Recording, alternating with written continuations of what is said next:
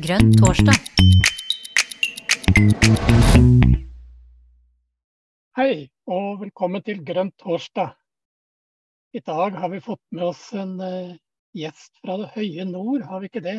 Min medprogramleder Karina Ødegaard. Jo, Anders, det eh, har vi. Eh, og, og, Anders Marstrande, får jeg si, da, slik at du er eh, behørig eh, eh, presentert du også. Eh, vi har fått med oss en person som heter Håkon Møller. og under overskriften 'En mann fra Halden søker makt til Bodø'. Jeg vet ikke om det er det beste innsalget nordpå, men, men det er altså en en, en, fin måte å presentere noe av bakgrunnen til, Håkan. Jeg kjenner deg kun som nordlandspolitiker, jeg, så, så, jeg ble jo blown away når jeg fikk vite at eh, du har, har en fortid fra Viken. Eh, men, men, eh, som, som eh, Viken-beboer, snart Akershus, så må jeg jo si at, at jeg vet at det er utrolig, utro, utrolig mange fine folk fra Viken. Og da, da noterer jeg meg at det er enda en fin en fra Viken. Eh, så det er veldig hyggelig, Håkan. Velkommen til oss. Tusen takk for det. Jeg er jo ikke fra Viken, jeg er jo fra Østfold. Må bare si det. ja, slik som alle østfoldinger sier. Er, du besto te testen òg, altså. jeg er fortsatt østfolding, um, sånn sett, i, i, hjertet. Jeg tror det er, noe, det er, noe, kulturelt. Jeg tror nok Østfold er den av de gamle Viken-fylkene som har, en, en, har, den sterkeste identiteten og mm. kulturen knytta opp mm. mot, mot sitt gamle fylke. Så det er noe spesielt der. Mm, det er det. Og det har jeg merket når jeg har vært der òg. Det er veldig, veldig stort å snakke om Østfold, og veldig smått å snakke om Viken. Eh, så, så eh, jeg tror at Ja, altså følelsen av å snakke om Viken er omvendt proporsjonalt med størrelsen på fylket, eh, tror jeg. Det er nok det. Ja. Ja, ja. Jeg sitter nå i Innlandet, ja, det som snart blir landets største fylke. Jeg skal holde helt kjeft om dette her, tror jeg. Ja, Men det var vel ikke verken Innlandet eller Viken eller Østfold eller ja, Kanskje vi toucher inn på Østfold igjen, da, men, eh, men, det var vel egentlig Nordland og Bodø vi skulle snakke mest om. Og jeg la ut, eh, Da jeg prøvde å avertere for dette lille samtalen her, skrev jeg noe om at uh, er det Bodø den neste byen der MDG overtar makten? Spørsmålstegn. Og hvordan skal dere gjøre det, og hva vil dere med makten? Det er, det er, min overskrift på dette her, da.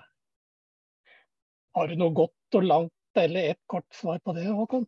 Ja, Håkon, hva vil, hva vil, du egentlig med makta du kommer til å få i Bodø etter valget? Det er et godt spørsmål. Ja, ja nei, Tusenkronersspørsmålet er jo hvordan, hvordan skal vi få den makta som vi ønsker oss. Uh, for å begynne med det, så tror jeg egentlig vi skal gjøre mye av det samme som vi har gjort til nå. Vi har egentlig vi har jo skynda oss langsomt, som det heter, som parti. Um, ble stifta allerede i 2010 eller 2011. Stilte liste i 2011, faktisk, før min tid. Uh, kom ikke inn i bystyret da. Så kom jeg da inn i 2015 som første grønne folkevalgte. Uh, og så hadde vi en pen uh, vekst fram til 2019, da, hvor vi mer enn dobla oss uh, til 6% så det er fortsatt smått sånn i, hvis du sammenligner med Oslo og og Trondheim og de store MDG-kommunene.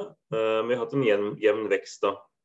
Uh, men har prøvd å bredde ut gradvis og få en bredere profil både i politikk og persongalleri.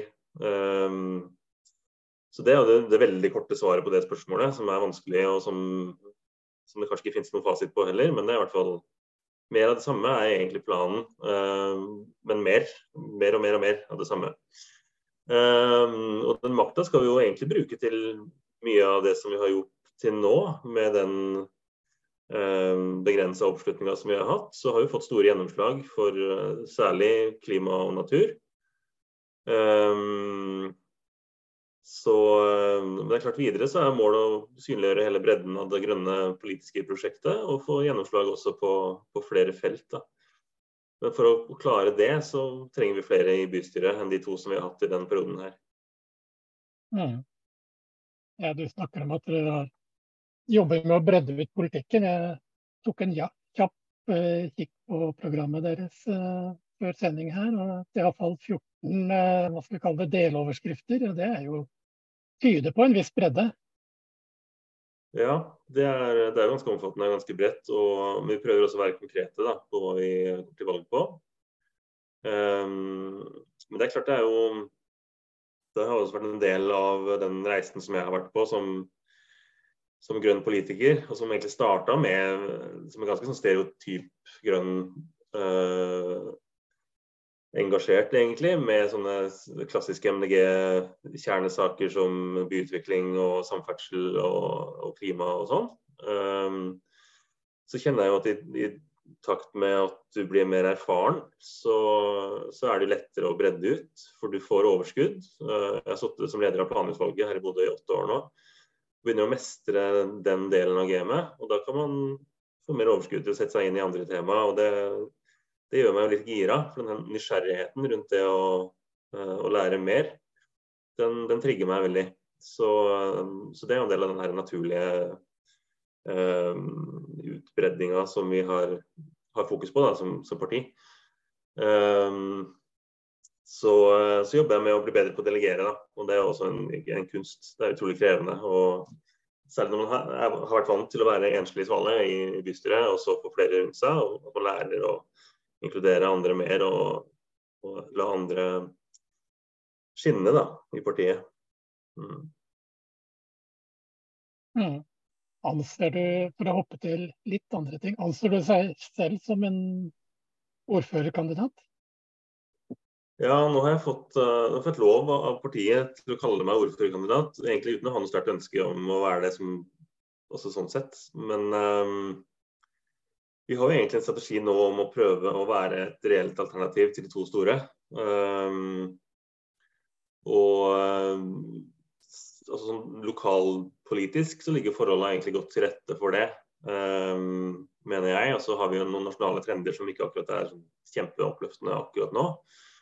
Men som jeg tror kanskje vil endre seg innover mot valget. Um, men en del av det å synliggjøre oss sjøl som et reelt tredje alternativ i boligpolitikken, er å og, eh, og løfte meg som en ordførerkandidat.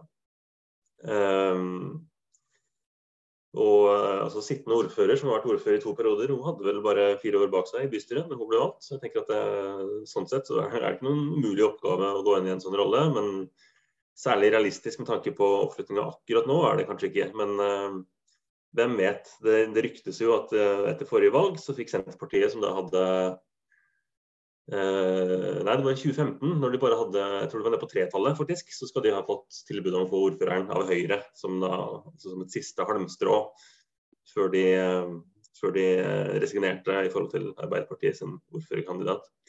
Så sjøl små partier kan jo få stor makt, da, og det er motiverende. Mm.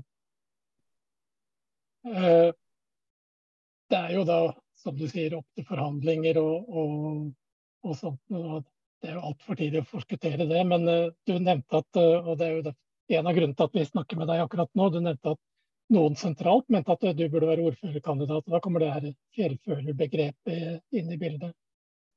Og Det betyr jo at dere får litt ekstra drahjelp fra sentralt. Kan du si litt om hva dere har fått, og, og hva dere forventer å få videre? Ja, nei, Det var egentlig partiet lokalt da, som, som syntes det var OK at jeg omtalte meg selv som ordførerkandidat. Uh, så det sentrale apparatet har nok holdt seg unna akkurat den biten. Men uh, nei, vi har da tatt opp som et av uh, jeg vet ikke hvor mange det har blitt, er det sju-åtte sånne fjellførerlag. som har litt ekstra backing og, og, support, både praktisk og mentalt, hadde jeg nær sagt, fra, fra gjengen i sentralleddet. Um, så vi var så heldige å få besøk da, fra Torkil og Ragnhild og Thor her i ja, var det i vinter en gang. Uh, og satte oss ned og hadde en god prat om liksom, dynamikken og forholdene lokalt i Bodø. Og hvordan vi kan uh, utnytte det best mulig, og hvordan vi kan posisjonere oss. Jeg hadde en god runde da om både strategi og, og taktikk. Og ja, annonsering og alt det praktiske rundt det. Så det, det, var starten på det. Og så er vi nå i løpende kontakt med både Torkil og, og, og Ragnhild og resten av gjengen om hvordan vi skal jobbe videre. Så, og så blir vi framheva også litt ekstra av Arild og, og, de andre partitoppene. Og det er jo motiverende både for meg, men ikke minst for alle de andre som kanskje ikke kjenner ledelsen personlig eller har vært med så lenge i gamet. Så, så det er jo også viktig da, å få den klappen på skuldra som, som ledelsen er veldig flinke til å, å gi de de mellomstore og små lagene rundt om i, i landet. Mm.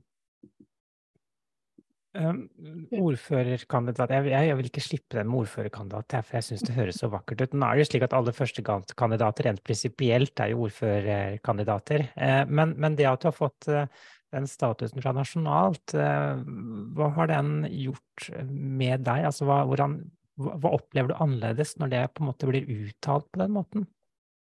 Jeg tror jeg vokste noen centimeter når den forespørselen må være i høyden. Må være fjell, fjellførerlag eh, kom i sin tid. Det, er klart, det, var jo, det var jo en direkte oppfordring om å søke. Um, så det lå vel noe bak det, tenker jeg. Så det, det er klart at det Ja, jo, det gir litt ekstra sjøltillit inn i valgkampen å få en sånn forespørsel. Så det er vel et tegn på at vi har blitt lagt merke til, da, den, den, jobben som vi har gjort her uh, gjennom et par perioder nå. Um, så, um, men vi har jobba ganske bevisst med å posisjonere oss sånn at vi, at vi skulle Eller for å si det sånn, jeg har alltid hatt som en del av min strategi å bokse litt over egen vektklasse på mm. vegne av partiet. Altså det å om nødvendig bare late som vi er større uh, enn vi egentlig er. Jeg vet Rasmus Hansson har snakka om noe tilsvarende da han hadde sin første periode på tinget. Eh, over valgkampen tilbake i 2013. At det, det, er helt lov og kanskje nødvendig å, å være litt, litt frekk og brautende og flekse litt muskler for å vise de store at vi skal også bli store. Og vi er like seriøse som dem, og vi skal være noe, noen å regne med, også. Um, og så har historikken, eh, etter at vi kom inn i bystyret her i 2015, uh, eh, hjulpet oss veldig på vei. Vi hadde en valgkamp i 2019 som var helt merkverdig, egentlig, men hvor alt bare gikk vår vei.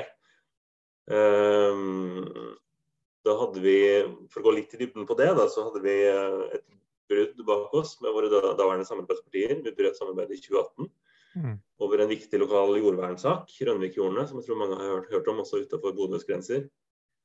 Så inn da i 2019, hadde, Da hadde vi først inngått et uh, budsjettforlik for 2019 sammen med Høyre, Venstre og KrF. Eh, og som fikk flertall i bystyret med Frp. Som da gjorde at sittende Arbeiderpartiordfører måtte styre kommunen på et, eh, et borgerlig eller blågrønt budsjett. Um, så da hadde vi liksom vi hadde vist at vi var faktisk blokkuavhengige. Uh, at vi kunne samarbeide begge, begge veier. Vi sikra også flertall for en, en, grønnere fase to og en bypakke lokalt her, ved å få Høyre med på laget i, i samme periode, altså forrige periode. Så inn i, mot, mot 2019-valget så var vi på en måte uh, Eller alle var veldig spent på hvor vi kom til å lande, tror jeg. Uh, og vi brukte jo det for det det var verdt. Vi, vi slapp kravlista vår offentlig i media. Uh, ordførerkandidatene fra Høyre og Arbeiderpartiet hadde en ordførerduell et par dager før valget som egentlig handla om den kravlista vår, altså i hvilken grad de var villige til å innfri den. Helt sånn utrolig. Vi fikk så mye gratis drahjelp bare fordi vi, vi hadde posisjonert oss uh, sånn vi hadde, og fordi vi hadde fått litt uh, ja, tilfeldighetene litt på våre side. Så, uh, så, det var nok et viktig bidrag til at vi gjorde det såpass godt da, i, i 2019. Uh, Vinden blåste veldig vår vei. Mm. og vi fikk vel en tre, tre forsider i, i Avisa Nordland i ukene før og etter valget. Så det var helt sånn utrolig valgkamp også i media for våre del. Um, nå husker jeg ikke egentlig hva jeg svarer på, hva spørsmålet var lenger. Men, uh, men jo, det å, å, liksom synliggjøre at vi er en, en uh, og skal være en politisk maktfaktor. Da. Um, og framstå dønn seriøse og, og, og, flinke og seriøse. Det, ja, det, det, tror jeg har vært viktig. Så mitt forbilde er egentlig de tyske grønne på mange måter. Altså Vi skal være den her tredje polen i, i politikken. og det, Så det har vel vært litt målet lokalt også. Mm. Det er jo sånn, Håkon, at uh, du er jo en av de lokalpolitikerne som faktisk uh, har oppføring i Wikipedia. Uh, jeg tror jeg har to, faktisk. Ja, Eh, og det, i den jeg er slått opp på, så, så, står dette med at du er politiker bare som en sånn liten bisetning til hovedsetningen. Da. Det er to setninger totalt. Eh, tre setninger, unnskyld. Så det, er, det, er, det, står ikke fryktelig mye, men, men, men eh, det står at du, at du, er en norsk musiker. Kjenner du deg igjen i det? Føler du at du, at du er en eh, norsk musiker? Og, eh, eller jeg vil, jeg vil, si at du er fra Østfold. Eh, altså, altså, hvor går grensa i forhold til Østfold og storsamfunnet? Det lurer jeg på. du mener at musikere fra Østfold, det er ikke musikere fra Norge? Jo da. Østfold er en stat i staten? Nei, vi er jo ikke Bergen. Vi er ikke så ille. Vi vet at vi er en del av, av Norge, tross alt. Sjøl om man kan begynne å lure innimellom når man er oppvokst nært svenskegrensa. Um, ja, nei, Hva var egentlig spørsmålet? Jeg, jeg tror jeg har to Wikipedia-oppføringer, faktisk. En ja, som musiker og en som politiker. De har liksom ja. bare ja. ja, interessant. Det er at Når jeg googler, googler meg sjøl, som jeg også gjør for å finne sånn medietreff og sånn, og se hva som har skjedd og hvordan det er omtalt, så, så, kommer det av og til opp politiker Håkon og av og til uh, musiker Håkon på Wikipedia. Ja, interessant. Men, men, det er jo hovedsakelig tangentinstrumenter du spiller, da. Men det står her også at du, du spiller på litt strenge instrumenter også, og munnspill. Eh, føler du at eh, denne, eh, denne, denne evnen til å spille flere instrumenter har vært nyttig også i politikken? Oi. Det her var jo en lissepasning til et eller annet uh, lyrisk svar. Men Eh, det jeg kan si, og som jeg egentlig tenker ganske mye på ofte, er at um, altså livet mitt egentlig handla om å finne en balanse mellom det kreative og det mer teoritunge. Mm. Kommer fra en lærerfamilie og har liksom um, Jeg har ikke så mye høyere utdanning, men jeg har en bachelorgrad i språk, pluss litt historie og litt forskjellig. Uh, lektorfaren min uh, oppfordra meg veldig til å ta en utdanning og til å ta allmennfag på videregående i sin tid og sånn, så jeg valgte å gå det sporet da, med litt tvil. Um, men musikken hadde jo alltid vært den store lidenskapen, og noe som jeg hadde sterkt ønske om å, om å, jobbe med. Så um, etter fullført utdanning på Blindern, så hadde jeg tre år som, um, som oversetter på et kontor i Oslo. Et lite oversettelsesbyrå. som egentlig gjorde meg skikkelig skikkelig lei den typen tilværelse. Eh, med 8-4-jobbing og stillesittende hverdager og, og, sånt. Veldig spennende jobb på en måte, men jeg ble veldig ferdig også med den type jobb. Så da tok jeg steget da og satsa på musikk eh, på heltid. Det ble liksom gradvis mer og mer av det, så jeg kunne satse på en, en tilværelse som heltids frilansmusiker. Um, så det var et, et, um, et eksempel på den vekslinga fra teori og liksom faglig jobbing til det kreative. da. Um, og når politikken tok meg for alvor i 2015, så var jeg litt ferdig med, med den Ikke med spilling kanskje som sådan, men i hvert fall med den livsstilen. Med mye reising og ja, krevende arbeidsforhold, egentlig. Og seine kvelder og sånn. Og gjerne for lite hyre. Så um, Eh, og så gikk jeg inn i politikken ble det, ikke bare å at det var egentlig veldig likt. Ja, var det jeg skulle til å si. Altså, altså ble det noe bedre i politikken liksom, som lokalpolitiker? Litt mer ryddig forhold, vil jeg si, tross alt. Men ellers veldig veldig likt. Altså, Fellesnevneren er at det er idealismen som driver en. ikke sant? Um, så, så, veldig, veldig overførbart. Um, men, uh, men, jeg håper i hvert fall å ta med meg den kreative tilnærminga inn i politikken, eller at jeg har gjort det. Jeg tror kreativitet er noe som kommer veldig godt med. Um, og særlig partiet vårt, som egentlig um, prøver å tenke utafor boksen og utafor uh, eksisterende systemer i stor grad. Det er kanskje derfor vi også har blitt et sånn kulturarbeiderparti, uten å egentlig snakke så mye kulturpolitikk som sådan. Um, det er interessant egentlig at vi har tiltrukket oss så mye kulturarbeidere, men det handler jo om akkurat det. Om å se for seg et annerledes og bedre samfunn. Uh, langt utover rammene for samfunnet som det ser ut i dag. Mm, mm. Hva er ditt favorittalbum av dine egne albumer, da? Oi. For, for de som er veldig interessert i deg nå, så, så, de kan prøve å finne ut av det, vet du. Jeg har gitt ut ett album med egen musikk, da, som låtskriver og vokalist i et prosjekt ja. eller et band som het Jocelyn. Ja. Men jeg vet ikke om det er så bra at jeg har lyst til å anbefale det, for å være helt ærlig. Det er fine låter og sånn, men det er litt sånn hjemmesnekra, og uh, det var litt sånn ja, det er spilt inn over tid, og jeg er ikke helt fornøyd med vokalprestasjonene der, for å si det sånn. Nei. Så, um, da, snakker, da snakker, vi 2009, da, bare for å nevne det. 2009. Ja. Den er å finne på Spotify, tror jeg, fortsatt. Um, nei, ellers uh, gjort så mye rart og så mye forskjellig at det er egentlig vanskelig å nevne én ting. Men så på CV-en så kommer det veldig, uh, veldig godt med å ha spilt med Raga Rockers i studio. på den siste ja. deres. Så det er jo en, en fjær i, i musikerhatten sånn CV-messig.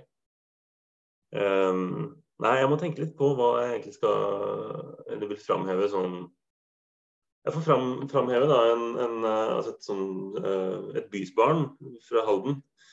En kompis av meg som heter Anders Svendsen, som har et prosjekt som heter Halden Electric. Ja. Oppkalt etter en fyrstikkfabrikk faktisk, som, eh, som, fantes i gamle dager i Halden. Og Det er en type musikk som egentlig står hjertet mitt veldig nært, og vi har lagd veldig mye fine ting sammen. Anders og jeg. Mm. Litt sånn americana, eh, country, folk, roots-gata. Men eh, mye fine låter. og så det kan være dagens anbefaling. Da tar vi med oss Halden Electric, eh, folkens, for de som eh, vil lytte til god musikk der Håkon Møller har vært med på å prege og lage musikken. Det er, eh, det er godt å vite. Jeg har lyst til å ørlite grann litt Det var veldig hyggelig med musikkprat, altså. Jeg uh, er jo også musikkfan og litt nerdete noen ganger. Uh, hadde senest en quiz for kollegaer her på mandagskvelden. Men det er nå en annen sak. Eh, jeg har lyst til å hoppe litt på politikken igjen. Skal vi se om jeg husker dette riktig. Du sa at uh, du var veldig ja, skal vi kalle det beæret eller glad for å bli spurt om det her uh, fjellføreropplegg og ordførerkandidatbiten og vokste noen centimeter, som du sa. Um, og det har jo med noe med den jobben man har gjort i den perioden vi legger bak oss nå. uh, og som jo også er grunnlaget for det uh, hva skal vi si, valgkampen videre. For det, det, er ingen som kommer til å stemme på MDG i Bodø heller, ut av ingenting. Det er jo fordi dere må ha gjort et eller annet smart, da. Mm. Har, det, har, det vært, eh, har, det, vært, Hvilke saker er det som har hva skal vi si, preget MDG, eller vært, som MDG i Bodø har, har jobba mye med de siste jeg behøver ikke å gå hele fire år, men de siste par årene, da. Ja, Det som, som, jeg tror bidro til godt valgresultat sist, var uh, nettopp jordvern og kampen om Rønvikjordene, som er på en måte det er egentlig Bodø-politikkens svar på LoVC, hvor uh, altså Lofoten. Vesterålen, Senja, oljeboring der, hvor småpartiene hele tida har, har eh, fått akkurat så mye de skulle sagt at de har kunnet eh, stanse utbygging. Du sier Utbygging har det egentlig vært over tid. Det er jo nå har vi et område på 1000 dekar vel, cirka, igjen, av de jordene som egentlig omkransa hele Bodø by. Um, men, um, um, men, det var den saken som vi brøt på i forrige periode, og som vi fikk troverdighet på pga. det. Og som vi Nå måtte vi riktignok kompromisse litt i forhandlingene i 2019, men vi fikk tidenes gjennomslag for den bynære matjorda i Bodø, uh, med tilbakeføring av 75 dekar eh, matjord på et område som til da har vært avsatt til næringsareal. Eh, så Det er kanskje den store enkeltsaken, tror jeg, eh, som, som, har bidratt mest. Eh, jeg tror En annen viktig faktor er at vi har vært gode i media. Vi har virkelig brukt media til vår fordel. Eh, jeg ser, når jeg ser på min egen rolle som, som fylkespolitiker, for jeg er også gruppeleder på fylkestinget i Nordland siden 2019, så tror jeg faktisk at jeg er den gruppelederen eh, blant alle partier på fylkestinget som har vært mest i nasjonale medier. Jeg tror jeg har hatt tre eller fire eh, oppslag i hvert fall på nrk.no om rikspolitikk, egentlig. Eller at vi har flagga, saker som har hatt en nasjonal relevans. Mm. Så, så, jeg tror det også er en stor del av forklaringa. Um, pluss, som jeg for så vidt var inne på i stad, det med erfaring det gir en, en tyngde. Um, og det er, litt, det er, kanskje litt paradoksalt sånn i MDG-sammenheng, fordi vi kommer jo Vi har røtter i en, en bevegelse som altså hvor det å sitte for lenge i ett og samme verv og klamre seg til makta, det er ikke noe som klinger så veldig godt. Uh, vi har hatt en sånn uh, Det har vært et mål da, med utskifting, og vi hadde noen diskusjoner på det også i forbindelse med prinsipprogramdebatten på landsmøtet og hatt det tidligere også rundt vedtektene. Hvor lenge skal man kunne sitte i ett og samme verv. Men for meg som folkevalgt så er det en utrolig stor fordel å um, f.eks. ha leda planutvalget her i åtte år. For jeg kan mm. historikken bak sakene. Jeg kan akkurat passe mye med juss knytta til plan- og bygningslov og, og, annet lovverk, til at det har et, et fortrinn fremfor de andre i utvalget mitt og de andre i, i bystyret. Som man da kan bruke til, til partiets fordel. Um, så man skal ikke kimse av det. Og så tenker jeg også at utad så er det det gir gjenkjennelighet og troverdighet og har vært med i GM lenge også. Um, så um, ja, det er, det er, ting som det er interessant å diskutere egentlig i, MDG. fordi som sagt, vi, vi har en, en, tradisjon for å ikke synes at det er så veldig greit kanskje, å sitte så lenge i, i den type verv. Men uh, min erfaring med det er at det er kjempe, kjempeviktig. Ja, da havna vi fort inn på den diskusjonen om eh, det som på utenlandsk heter term limits. Uh, det er jo i og for seg interessant, men skal la den ligge et lite øyeblikk. i hvert fall bare for det, Jeg bare lurt på det jordvernsaken. Har det noe med eh, den diskusjonen sånn som vi ser fra når vi ser, sitter et annet del av landet, har det med flyplassen og, og det, flytting av flystriper? Det er ikke det? Nei, egentlig tvert imot. Egentlig tvert imot. Uh, flyplassen er en del av det regnestykket som skal til for å unngå nedbygging av matjorda.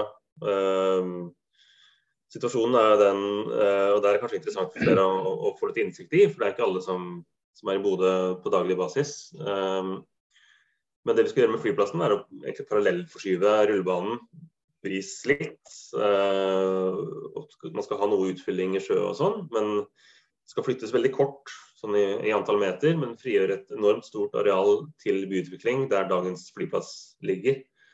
Uh, og så er det jo delvis utbygd og nedbygd areal som vi da får, eh, og som, skal, vi skal flytte den nye lufthavna til. Det er, eh, kampflybasen uh, hovedsakelig det har, har, holdt til mm. til nå, som har blitt nedlagt og flytta til Ørlandet.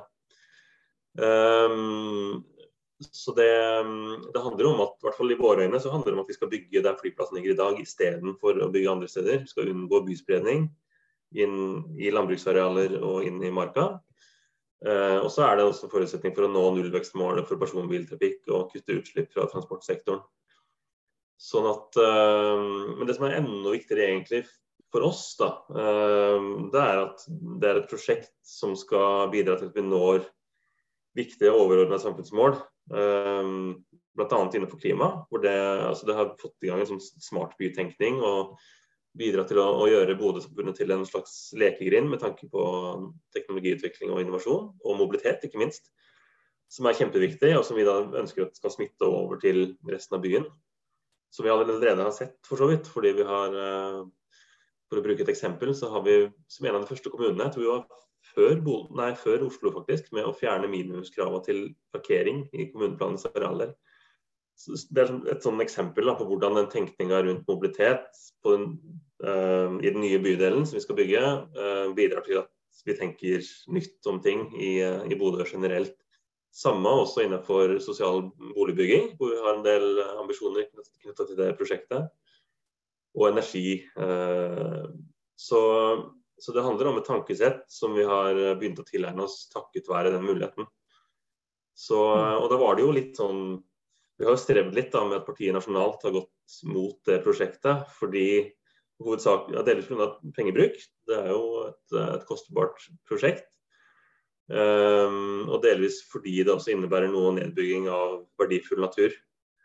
Uh, og så tenker vi at De problemene hadde vi møtt på et eller annet sted uansett. Uh, og Det er bedre å gjøre det der og få de fordelene som som vi kan nyte godt av uh, takket være det prosjektet, uh, enn om man gjør det et annet sted i randsonen av, byen. Så Det er kort fortalt det, det det går ut på. Så Det, det handler jo bl.a. om å, å kunne uh, verne matjord og vokse på en bærekraftig måte som by. Mm. Ja, og, hvis, hvis, du sjekker i NRKs uh, valgomat, da, som, uh, som, opplyste mennesker gjerne gjør, um, så, så, vil du også se at, at Arbeiderpartiet, Høyre, Fremskrittspartiet, Kristelig Folkeparti, Industri- og Næringspartiet, Pensjonistpartiet og Liberalistene, de syns jo det er veldig fint å bygge ned matjord. Eh, åpenbart. Eh, om ikke annet fordi at de mener at, at, eh, den næringsutviklingen som de mener de skal lage plass til, er enda viktigere enn å kunne produsere mat til fremtidens og nåværende innbyggere. Hvordan ser du på hvordan den saken kommer til å utvikle seg etter valget? Kommer de til å klare å etablere et flertall for å bygge ned disse jordene? Nei, det tviler jeg på. Fordi eh, nå fikk vi da altså kronen på verket nå i innværende periode. At vi fikk vedtatt en ny kommuneplan i fjor som faktisk, som, med tanke på planverket, da, eh, tilbakefører de 75 dekarene som som vi ble, fikk forhandle oss frem til i 2019. Og det som gjenstår da, er et område på 40-50 dekar som vi eh, ikke kom i havn med i 2019, og hvor Bodø-Glimt når vi bygger nytt stadion. Eh, så vi har på en måte vært tvunget til å være med på den ferden der. Eh, ja, det må, det, det må, man jo. Nei, man må ikke. Altså, det er Rødt og Venstre som står igjen da, som uh, som rene og ranke, og som har sluppet å kompromisse i, i kampen om Rønvikjordene. Og det har vi jo fått høre, at vi liksom har solgt oss, da. Uh, men uh, Så den går nå sin gang. Det, det er et planforslag som har vært på høring, og så får vi se hva Glimt gjør. Det er et dyrt prosjekt for dem, og de er avhengig av å ha inn andre aktører og leietagere og sånn for å kunne realisere det. Um, hvis planene til Glimt skulle stoppe opp, så er vi klar til å ta kampen på nytt og, mm. og få verna siste biten. Ja. Men det er noe med at når man først uh, i kommuneplan uh, har fått tilbakeført eh, areal til LNF, eller LNFR som det heter her, da, hvor vi har reindrift og sånn, så skal det mye til, tror jeg, med dagens forståelse av viktigheten rundt å ta vare på matjorda, og få det reversert igjen til andre formål. Mm. Uh, hvis vi da skal tro uh, dagens regjering og det de, de skriver som de har sendt ut til kommunene. Så får vi se om, står, om, om de står ved det, men eh, vi må regne med innsigelser hvis man skulle gjøre et forsøk på å, å ta det arealet tilbake til byutviklingsformål. Mm. Vi har, vi har, andre saker på valgomaten også. Dette er spennende. Eh, og, og, det er litt sånn innsikt i, i lokalpolitikk også.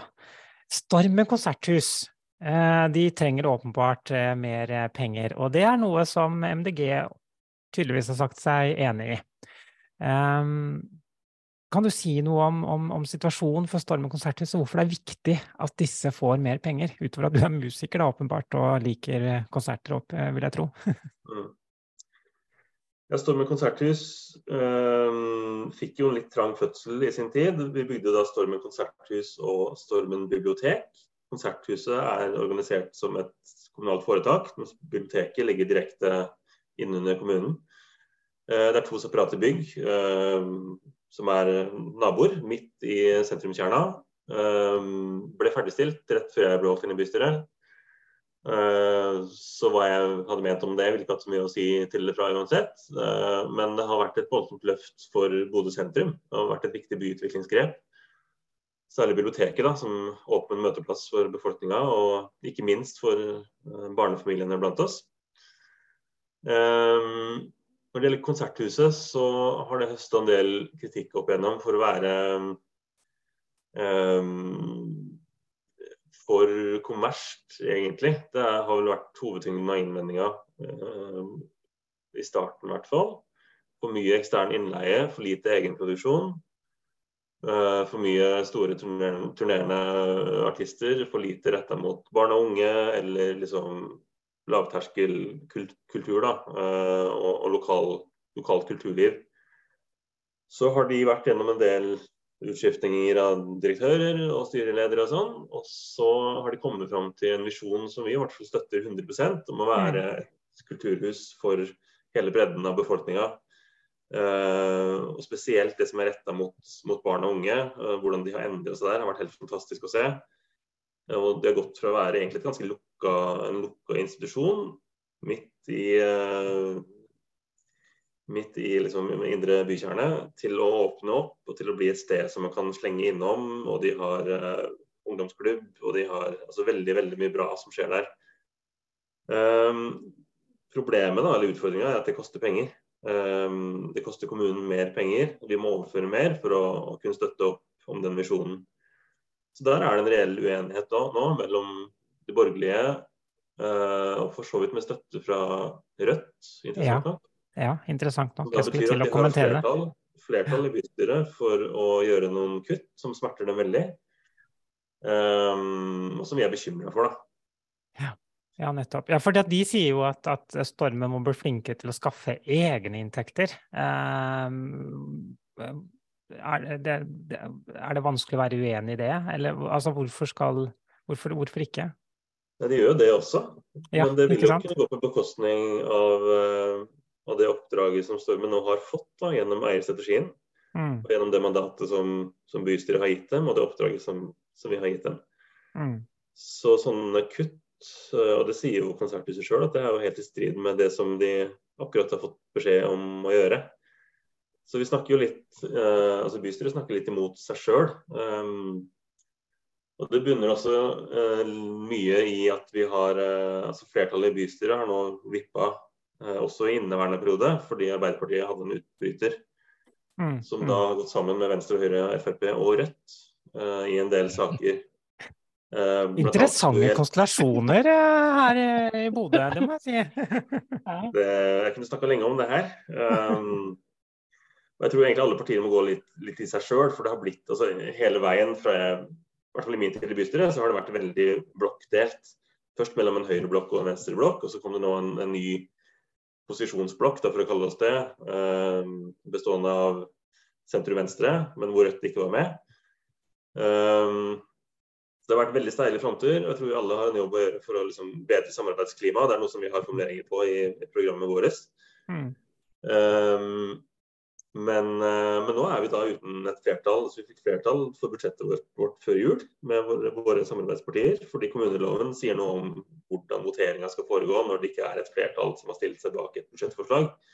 Det ble jo da til slutt et flertall når man skrelte unna de andre forslagene i voteringa. Problemet var jo bare at uh, i februarmøtet i bystyret, første bystyremøte i 2023, så hadde vi da et nytt flertall som ved at de fikk lirka inn et såkalt verbalforslag i, i desemberbudsjettet, så fikk de tatt en omkamp egentlig på budsjettet på alle de punktene hvor de isolert sett var enige, altså de andre fire partiene pluss denne utbryteren.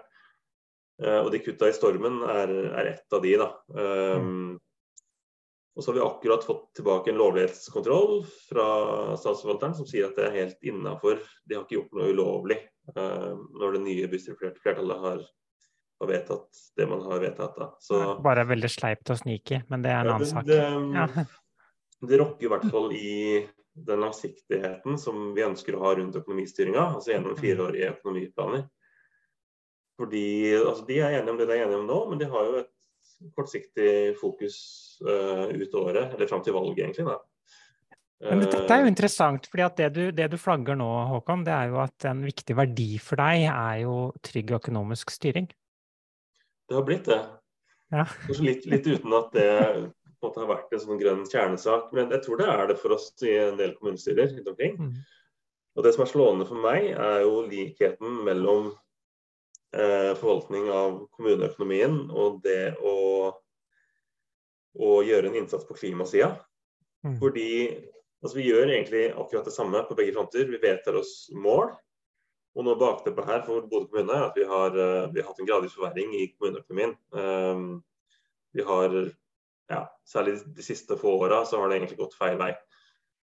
Um, så Vi har vedtatt mål om at vi skal forbedre så og så mye. Vi har sånne handlingsregler og finansielle mål, måltall, som det kalles, for, um, for uh, ja, som, som, skal kjennetegne en sunn og bærekraftig kommuneøkonomi. Da. Og så når vi jo ikke de måla. Uh, I hvert fall inntil nylig så har det gått feil vei. men vi vedtar dem like fullt, uten at det egentlig har betydd så fryktelig mye nødvendigvis. Og Det er jo akkurat det samme som, som har kjennetegna norsk klimapolitikk. uh, hele veien. At vi er kjempeflinke til å sette oss mål og vedta det. Og så når vi ikke måla, så skyver vi på måla og kanskje til og med høyner dem litt. Men vi er ikke, er ikke i nærheten av å, å, nå dem. Og hvem er det som tar regninga? Enten vi snakker om kommuneøkonomi og for høy lånegrad og sånn, eller vi snakker om at vi ikke når klimamålene våre. Det er jo kommende generasjoner.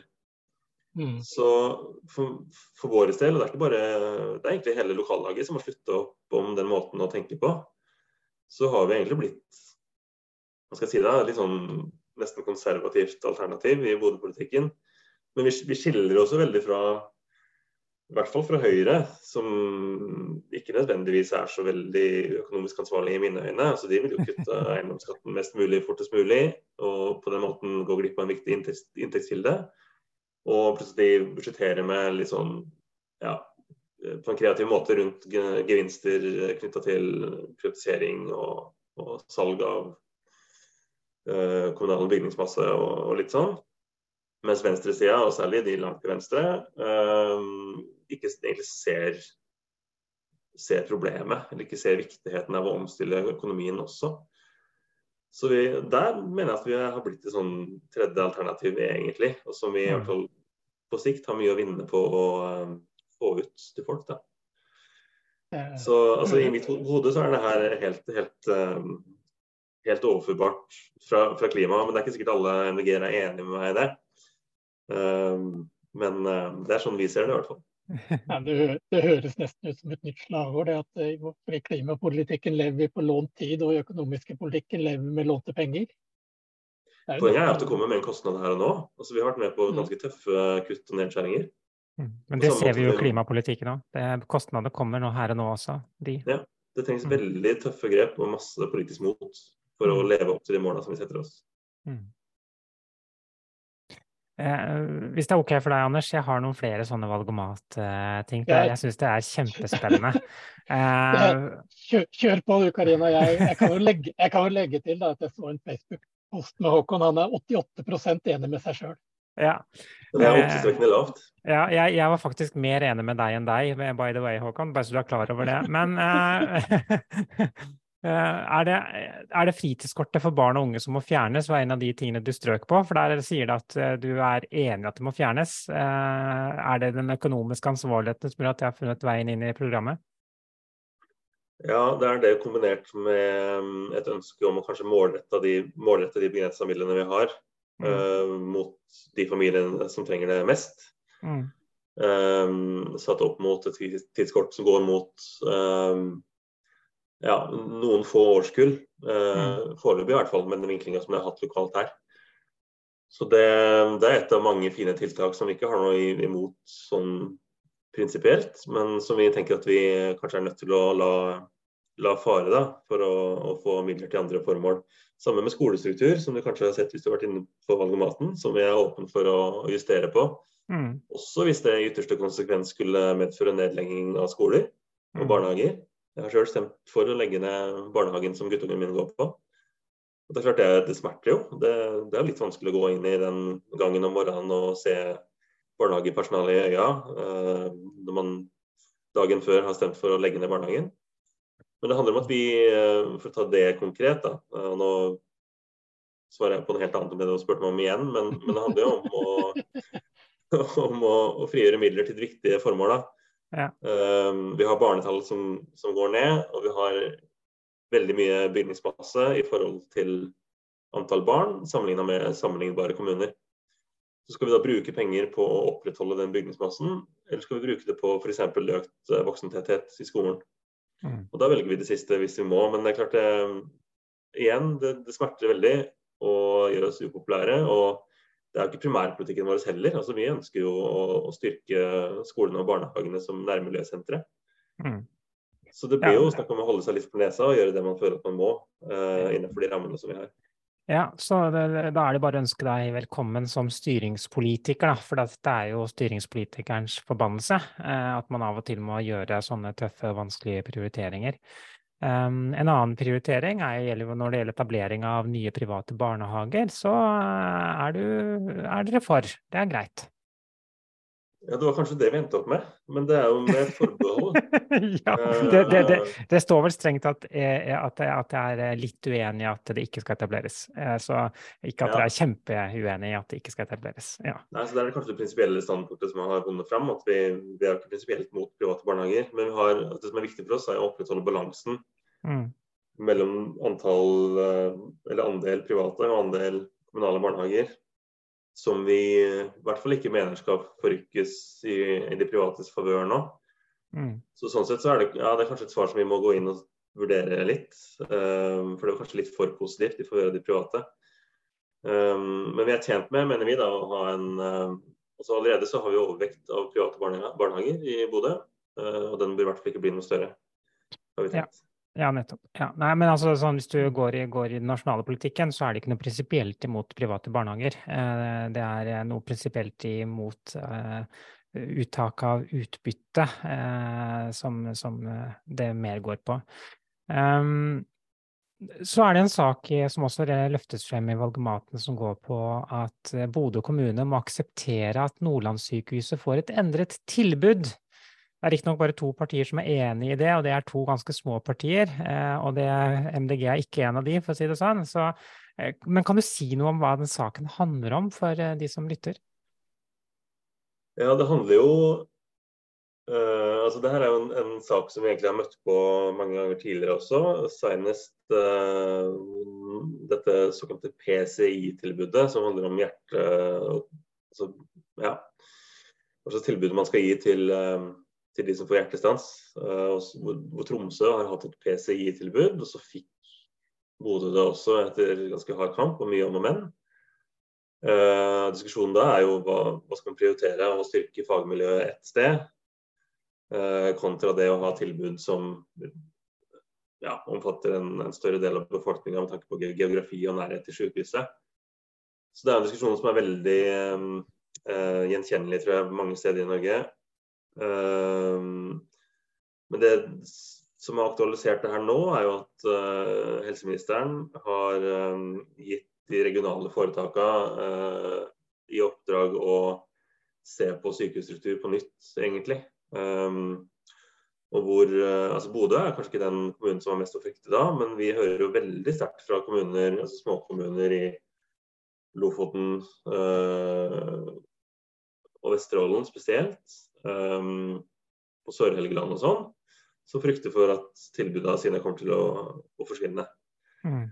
Um, men det svaret som vi har gitt der, er jo, det begynner egentlig bare at når vi er kommunepolitikere, så er vi kommunepolitikere. Og da er det lov i sånne saker å, å være litt nærsynt. Så det er en del av jobben vår å stå opp for våre egne innbyggere. Mm. Hadde du spurt meg som fylkespolitiker, så ville jeg kanskje svart noe litt annet. Så her er det faktisk en sak, hvis du også kommer inn på fylkestinget, hvilket jo er ganske sannsynlig, um, og, og, du behandler samme saken i kommunestyret, så du kan, du, du, kommer du til å stemme forskjellige ting? Er det, er, kan vi risikere det, eh, Håkon? Det kan godt hende. Jeg må i hvert fall ha en prosess da, i fylkeslaget hvor jeg må mm. ta av meg Bodø-hatten og sikre mm. at alle får sagt sitt. Mm. Um, så um, vi er jo ikke tjent med altså Bodø har egentlig vært et ganske god sånn storebror, føler vi, da, i nordlandssammenheng. Eh, kanskje nesten litt i overkant. fordi eh, Som fylkespolitiker så savner jeg ofte at kommunen min er like på banen som de små kommunene som er vant til å virkelig måtte kjempe for framtida si. Mens vi eh, lobbes mot i mye mindre grad av, av vår egen administrasjon og politisk ledelse. Mm. Så um, Nei, så Vi har nok ikke så mye å frykte sånn sett. Det er nok de små kommunene rundt omkring i, fylket som har mer å, å frykte. Det, og vi backer opp om, om deres ve og vel også, absolutt. Mm, mm. Ja, nettopp. Ja, eh, sitter du inne med noen spørsmål, Anders? Det, det aller siste som slår meg, var jo at det der med sykehus, det kjenner jeg veldig godt igjen. Vi har jo hatt den samme diskusjonen i Innlandet. Eh, og det med å ha ja, hva skal vi si, ulik mening av hvilken stol du sitter på. Men det er noe så. Um, nå har jeg sittet og vært så fascinert og hørt på, så jeg har helt glemt at jeg egentlig er ja, men, programleder. ja, men da skal, jeg, da skal, jeg, ta et spørsmål til, jeg, mens du, mens du summer deg, Anders. ja. eh, fordi at uh, den økonomiske situasjonen og det økonomiske handlingsrommet i Bodø, den står uh, i rød. Eh, og det betyr at det er et begrenset økonomisk handlingsrom. Og det, og det handler også om en trend over tid, og ikke bare enkeltår. Um, hvordan vil du som ordfører i Bodø rydde opp i det, Håkon? Det, for det første så skal vi fortsette å gjøre det som vi fikk inn i samarbeidsavtalen vår i 2019 med samarbeidspartiene våre. Eh, og faktisk ta konsekvensen av de handlingsreglene som vi vedtar år etter år. Eh, som til dels kanskje har vært litt sånn til pynt, på samme måte som klimamåla. Um, og det må faktisk bety noe, og det betyr at vi må prioritere. Så det som er mest overhengende nå, er å få gjort noe med gjeldsgraden. Vi har altfor mye gjeld. Og det betyr jo at vi må ta av driftsbudsjettet til å betjene de her eh, lånene våre. Eh, og Det er jo penger som ellers kunne vært brukt på tjenestetilbudet. Og Det er det ganske bred enighet om, eh, at gjelda må ned. og Det betyr noe for investeringsbudsjettet. Um, og Da må vi prioritere. Vi trenger et nytt helsehus ganske fort. Vi trenger egentlig to helsehus i løpet av i hvert fall neste tiårsperioden. Um, og Det betyr kanskje mindre til skole. Da er vi tilbake på skolestruktur. Mm. Så vi må, som kommunedirektøren sier det, vi er nødt til å vri på noen store brytere. Og da snakker vi om strukturelle grep. Da. Eh, og ikke bare å drive og kutte med ostehøvelen hele tida. For det, det, tar oss egentlig ingen vei mot målet. Det gjør oss bare fryktelig upopulære. Mm, mm. Så det å jobbe for å få på plass noen strukturelle grep, ta noen kanskje upopulære eh, valg, men uansett hva man gjør, så vil man jo måtte, måtte, ta upopulære valg. Alternativet er jo at man går enda mer med underskudd, og det er det jo ikke handlingsrom for. Um, så, så, strukturelle grep er, er viktig her. Men er, hvordan er samarbeidet med kommunedirektøren i, i, i Bodø?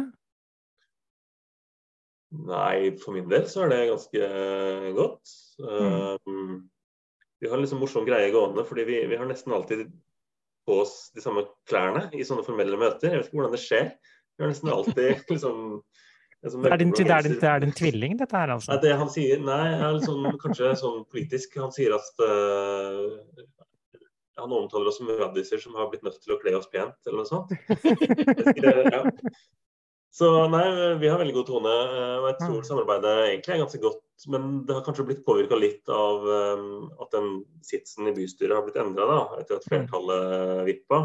For det er klart, de som ikke sitter med ordføreren og varaordføreren og utvalgslederne, de har kanskje følt seg litt mindre påkobla av det administrative arbeidet. Mm. Uh, og møter dem ikke daglig i gangene på rådhuset og sånt. Da får man kanskje ja, kanskje litt større grad av mistenksomhet um, overfor administrasjonen og for de faglige rådene som de kommer med på en del områder. Mm. Så det har kanskje sånn sett blitt noe forverra, men, uh, men uh, ellers så er samarbeidet godt, vil jeg si. Mm. mm. Nå har jeg det, vet du. Jeg har jeg måtte bare inn og sjekke litt i programmet, og det er en Eh, skal vi si, med fornøyelse å se at uh, dette er noe jeg har eh, jobba litt med og jobber litt med videre med også, er eldrepolitikk. Hvis jeg er litt grå i skjegget og sånt. Uh, og jeg, en av kjepphestene mine i den sammenhengen er at eldre er som folk flest, ganske så ulike. Ulike behov, ulike ønsker og lever ulike liv. Og jeg ser at du, dere har i programmet dratt inn hva skal vi kalle det, hensyn til eldre eller den eldre generasjonen i, andre, i andre, flere politikkområder enn bare helsepolitikk. Liksom. Det, det, er mer enn sykehjem. Eh, F.eks. så så jeg et punkt under boligpolitikken hvor, og hvor ganske sensasjonelt i andre byer MDG krever park parkeringsplasser ved utbygging av nye boligområder. Nettopp for at servicebiler for hjemmetjenesten osv. ikke behøver å skal prøve å parkere langt nede i gata der eller, no, eller noe sånt. Det er eh, interessant lesning eh, for sikkert for mange. Ja, Det er noe som vi henta fra den nye boligplanen, som er vedtatt uh, rimelig enstemmig faktisk i bystyret i, jeg tror det var i fjor. Um, der er det masse tiltak som ikke er iverksatt ennå, så vi lånte ganske uhemma fra den planen når vi skulle lage programmet vårt. Men det her er jo ja, det, det, står jo ikke i, i kontrast til uh, å, å, fjerne minimumskravet til parkering i kommuneplanen f.eks. Kanskje, kanskje tvert imot. Uh, mm. Vi må bruke arealene ja, klokt da, uh, når, når, det er mangelvare, og det er det jo, enten man er i, i byen eller på bygda for så vidt. Og En del av det er jo litt sånn som Oslo-laget har gjort rundt HC-parkering. og Flagga det som en veldig fin sosial og myteknusende sak, så er det her kanskje en lokal variant av det. da. Sørge for at de som skal inn der og hjelpe våre eldre, faktisk finner en plass å stille bilen sin. Ja, Ja, det var Det er det var en formulering jeg, jeg, likte ganske godt, i hvert fall. Eh, og det handler bare sånn til Karina, det handler jo som Håkon er innom også, ikke at alle skal bruke de parkeringsplassene. De skal være reservert for den type fellestjenester eller eh, sånne ting. Ja, men ja. hvordan, hvordan stiller, eh, stiller, MDG i Bodø seg til, til, parkering i byen sånn generelt, da, i, i Bodø? Nei, Det har jo vært en gradvis innstramming over tid. da. Det handler jo om at vi har uh, blitt nødt til å innse at vi er i ferd med å bli en storby, vi også. Mm. Og det betyr ganske mye for arealbruken i, i sentrum. Så eh, nesten noe av det vi har gjort, er jo å fjerne det minimumskravet. Da. Det begynte med at en del utbyggere eh, flagga at de ønska endringer. Eh, de ønska å erstatte eller godskrive parkeringskravet som da lå der, med bildelingsordninger f.eks. Noe som vi ikke hadde hjemmel til å gi dem, så, sånn, så lenge det ikke lå i kommuneplanen. Og det gjør jo det gjør vondt for en MDG-politiker å ikke kunne imøtekomme ja. det. Mange gjorde det jo uansett da, som et tilbud ja. til beboerne. Mm. Um, men de fikk på en måte ikke noe igjen for det som konkret. Mm. Så nå har vi en kommuneplan som både fjerner minuskravet for uh, både sentrum og deler av Mørkved og Tverlandet, som er bydeler som har en slags sentrumsstruktur. Uh, og I tillegg så er det mer fleksibelt også for, uh, for byområdet for øvrig. At man kan se mer liksom, på beliggenhet, nærhet til kollektivtilbud osv. for å, å avgjøre uh, hvor strenge parkeringskrav man skal stille. Ellers er det jo det er en heftig parkeringsdebatt i Bodø. Vi har fått et sentrumsregnskap nå som sier at eller som viser at folk er veldig misfornøyd med muligheten til å parkere i sentrum. Og så er Det litt sånn, det er også litt selvmotsigende, fordi de klager både over tilgjengelighet og eh, pris. Tilgjengeligheten vet vi egentlig er god nok, det er ikke mangel på plasser i sentrum som sådan. Eh, men hvis man skal gjøre noe med prisen, så vil det kunne bli det. Altså Hvis målet er flere bilister inn til byen, så vil det bli vanskelig å finne seg en plass. Så det, jo, det må være en, en, balanse her mellom de to eh, parameterne. Mm. Så, og Høyre går til valg på prøve ut noen timer gratis parkering om dagen og sånn. Uh, jeg tenker at jeg vil ikke egentlig gjøre sentrum noe Det er egentlig bare å gjøre sentrum en, en bjørnetjeneste, i mine øyne. Sentrum må styrkes på de fortrinnene som de har, som er altså naturgitte fortrinnene.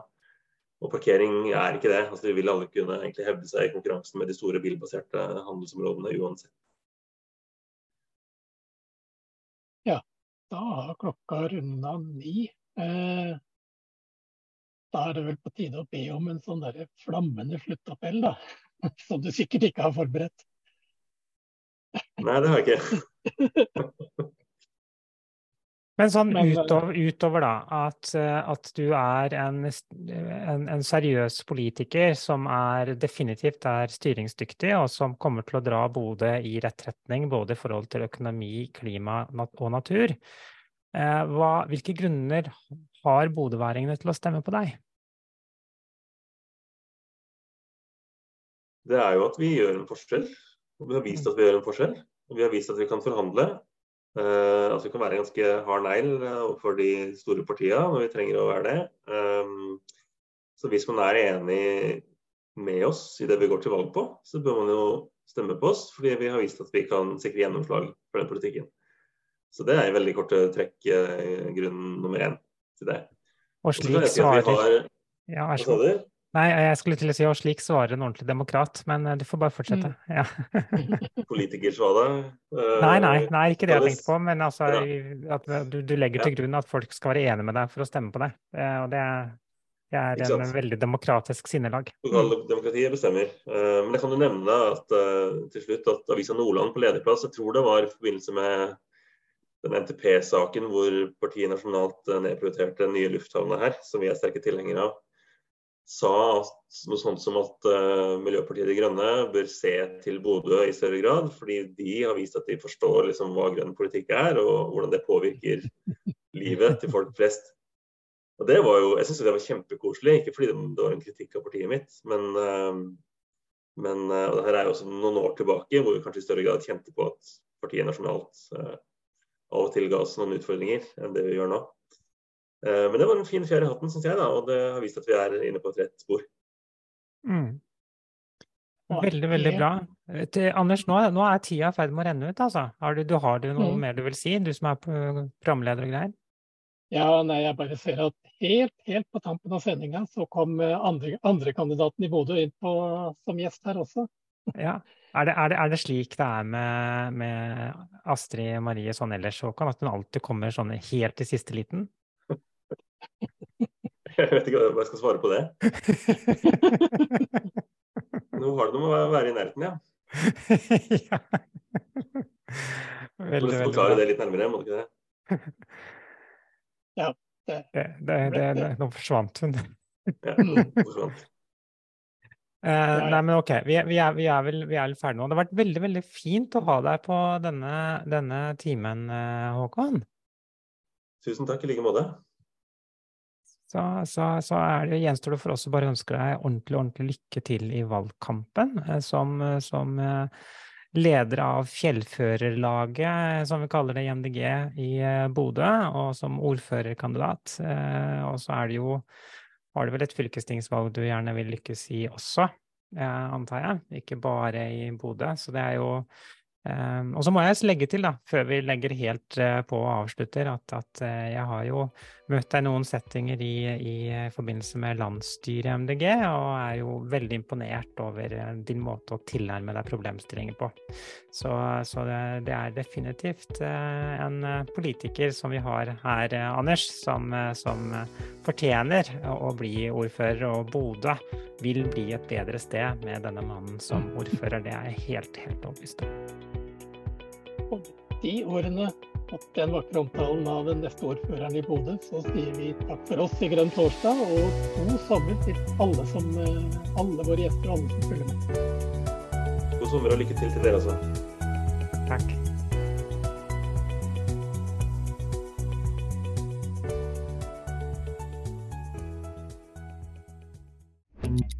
Grønn torsdag.